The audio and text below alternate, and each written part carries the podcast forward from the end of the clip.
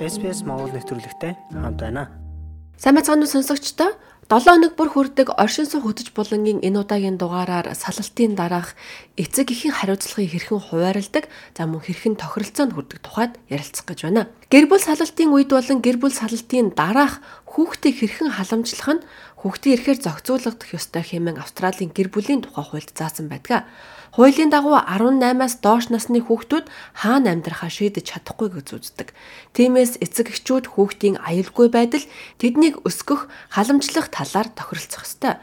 Гэр бүлийн тухай хуульд нь гэрэлсэн хосууд эсвэл ижил хүйстэн эцэг их за түүнчлэн өвөө, эмээ гэх мэт асран хамгаалагчдад адилхан үйлчилнэ. Тэгэхээр салсны дараа эцэг эхийн аль нэг нь хүүхдээ асран халамжлах эсвэл нөгөө эцэг эхийнхээ өмнөөс шийдвэр гаргах эрхгүй байдаг. Bernadette Grandinity-ийн Victoria Legal Aid компани хөтөлбөрийн менежерийн үүрэг гүйцэтгэгч.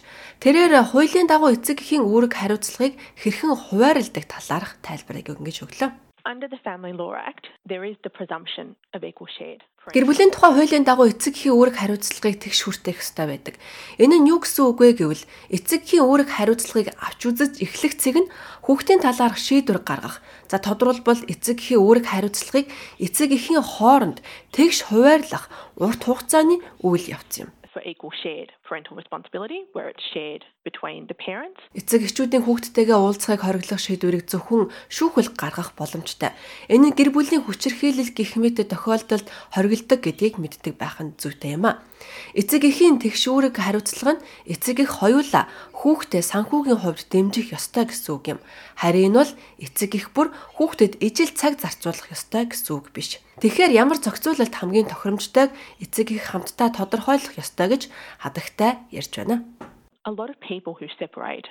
Тусдаа байгаа олон хүмүүс эцэг эхийн асуудлыг өөр хоорондоо тохиролцож чаддаг. Хэрв эцэг эхчүүд албан бус аман тохиролцоонд хүрч чадвал эсвэл үүнийг бичиж гарын үсэг зурж баталгаажуулбал үүнийг эцэг эхийн хүмүүжүүлэх төлөвлөгөө гэж нэрлэдэг and that becomes what we call a parenting plan. Энэхүү хүүхэд хүмүүжүүлэх төлөвлөгөөнд санхүүгийн байнгын зохицуулалтыг ч багтаах ёстой. Австралийн төв бүс нутаг дахь эмэгтэйчүүдийн хууль эрх зүй албаны ахлах хуульч Шерин Фиганигийн хэлж байгаагаар эцэг эхийн төлөвлөгөө нь тогтоосон нэг хэлбэрт байх албагүй гинэ. Ерөнхийдөө эцэг эх хоёр нь суугаад хүүхдээ хүмүүжүүлэх арга хэлбэрийг хамтдаа бичдэг. За тэгэд энэ төлөвлөгөөндөө тэд аль өдрүүдэд ээжтэйгээ харин хизээ аавтайгаа байх гэх мэт өдрүүдийг зохицуулж болно. Мөн эцэг эхийн хувьд хүүхдийн талаар бие биетэйгээ хэрхэн харилцах талаар зарим тохиролцоогч хийж болно about how you'll communicate with each other as parents about the children. Ингэж эцэгхийн хүмүүжлийн төлөвлөгөө гаргахын үл ойлголцол үүсч болзошгүй салсны дараах зөрчилдөөнийг багасгах явдал юм. Гэсэн ч энэхүү төлөвлөгөө нь хууль ёсны хүчин төгөлдөр баримт бичиг болж чадахгүй юм а. Тэгэхээр хэрвээ эцэг их нь энэ төлөвлөгөөг дагаж мөрдөхөө болсон бол та тэр хүнийг шүүхэд өгч чадахгүй. Эцэг эхийн төлөвлөгөө нь уян хатан байдаг. Хүүхэд өсч томрох тусам тэдний хэрэгцээ өөрчлөгддөг. Тэгтээ хамгийн гол нь хуучин хамтрагчтайгаа тохиролцсон тохиолдолд эцэгхийн төлөвлөгөөг бий болгож чаддаг. Мөн заримдаа энэ тохиролцоог биелүүлэхэд тань туслах жуучлагч эсвэл гуравдагч этгээдийн тусламж хэрэгтэй болно. Та гэр бүл салсныхаа дараа хүүхэд хүмүүжүүлэх төлөвлөгөөгөө хоёр талаасаа тохиролцоонд хүрсэн гэж үзэн үүнийгээ хууль ёсны дагуу хүчин төгөлдөр болгохыг хүсвэл онлайнаар хүсэлтэд шүүхэд гаргаж болдог. Австралийн холбооны тойргийн шүүх мөн гэр бүлийн шүүхэд онлайнаар хандаж хүсэлтээ гаргах боломжтой. Харин эцэг эхийн тохиролцоонд хүрч чадахгүй бол дараагийн алхам нь гэр бүлийн маргааны шийдвэрлэх явдал юм. This allows the negotiation. Зуучлагчийн тусламжтайгаар эцэг эхийн асуудлыг зохицуулах боломжтой. Австрал даяар хууль зүйн туслалцааны комиссууд жуулчлалын үйлчлэгийг санал болгодог. Энэ үйлчлэгийг авахд санхүүгийн дэмжлэг авах эрхтэй хүмүүст туслалцаа үзүүлдэг. Мөн орон нутгийн болон олон нийтийн хувийн зуучлалын байгууллагууд ч байдаг. Ихэнх хүмүүс салгатаа эцэг эхийн гэрээг шүүхэд хандалгүйгээр байгуулдаг гэж Австралийн холбооны тойргийн болон гэр бүлийн шүүхийн ахлах бүртгэгч Anne Mary Rice ярьж байна.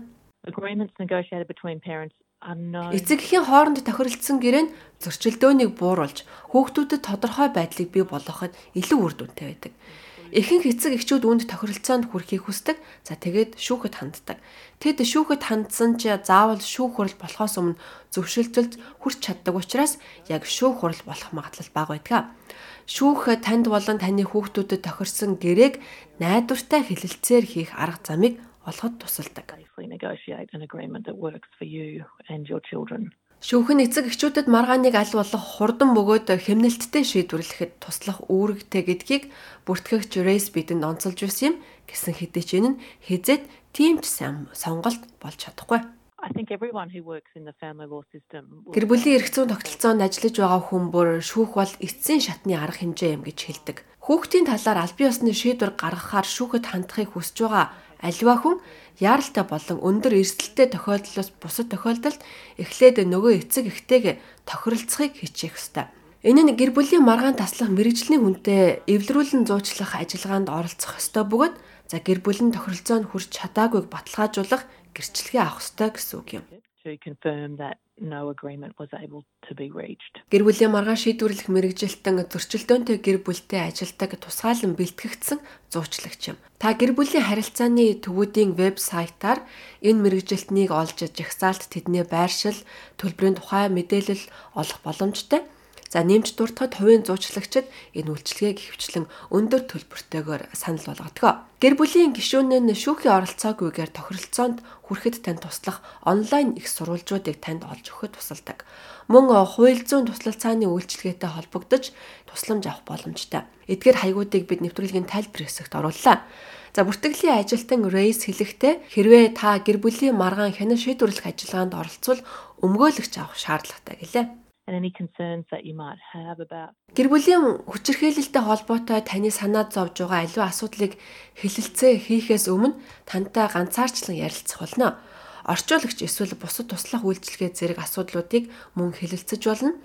Гэр бүлийн маргаан шийдвэрлэх мэрэгжилт нь хэлэлцээрийг аюулгүй зохистой явуулах үүрэгтэй. Хэрвээ шийдэлд хүрэхгүй бол шүүхэд хандаж болно. And if they're not, then a person can apply to the court. Хэрвээ та нөгөө эцэг эхээсээ гэр бүлийн маргаан шийдвэрлэх уулзалтанд оролцох урилга хүлээж авбал үүнийг анхааралтай авч үзээд асуулт байвал хуулийн зөвлөгөө аваарай. Хэрвээ та оролцохгүй гэж шийдсэн бол таны оролцоогүйгээр асуудал шийдэгдэж шийдвэр гаргаж болно. Эцэг эхийн тохиролцож чадахгүй байгаа тохиолдолд гэр бүлийн тухай хуулийн дагуу хүүхдийн эрх ашгийг харгалзан гэр бүлийн шүүхийн шийдвэрийг гаргадаг. Шүүхийн шийдвэрт 18 нас хүрэх хүртэл хүчинтэй байдаг. Гэхдээ шүүхийн шийдвэрийн онцлог нь хүн бүрт өөр өөр байдаг. Бүртгэгчрээс ингэж ярьлаа. Шүүхээс гаргасан шийдвэр нь тухайн хүүхэд эсвэл санхүүгийн асуудалтай холбоотойгоор талууд юу хийх ёстойг тодорхойлсон аль бие ёсны бичиг баримт юм. Үүнийг талуудын тохиролцоогоор эсвэл шүүх хуралдааны дараа бүртгэлийн ажилтан шүүгч гаргаж болдог. Шийдвэрт заасан зүйлүүд нь бүх талуудад заавал байх ёстой.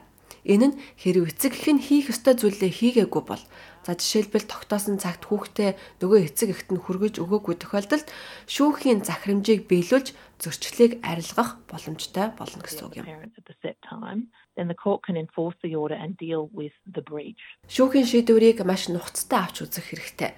Уг шийдвэрийг зөрчих нь ихээхүү үр дагаварт хүргэж болзошгүй юм. Шүүхэд нэхэмжлэл гаргахын тулд хэд хэдэн бичиг баримтыг бүрдүүлэх шаардлагатай та шүүхийн вебсайтад орсноор шаардлагатай бүх бичиг баримтуудын жагсаалтуудыг харж болно. Энэхүү вебсайтад танд туслах видео бичлэгүүдийг мөн оруулсан байдаг. Шаардлагатай бол орчуулгын үйлчилгээг авах боломжтой. Хэрвээ та хүүхдтэйгээ гадаадад аяллаар явхаар төлөвлөж байгаа бол шүүхийн шийдвэр гаргаагүй тохиолдолд нөгөө эцэг эхийн зөвшөөрөл шаардлагатай болдог гэж хатагтай Феганы ярьж байна. That's really when you need to speak with a lawyer. Хүүхдийг авч явах өргөдөл гаргахдаа шүүх маш их зүйлийг анхаарч үзэх тул өмгөөлөгчтэй ярилцах хэрэгтэй. Энэ нь аюулгүй байдлын асуудал, санхүүгийн асуудал гэх мэт зүйлийг нарийн авч үздэг you know financial considerations. Хэрвээ та эцэг эхийн хариуцлагатай холбоотой тодорхой шийдвэр гаргахад танд дарамт ирж байгаа бол ялангуяа гэр бүлийн хүчирхийлэлд өртөж байгаа бол шийдвэр гаргахаас өмнө хуульчтай зөвлөлтөх нь маш чухал юм шүү. Лайк, шеэр, комент үлдээгээрэй. SBS Монгол Facebook хуудсыг дагахаа мартаоцай.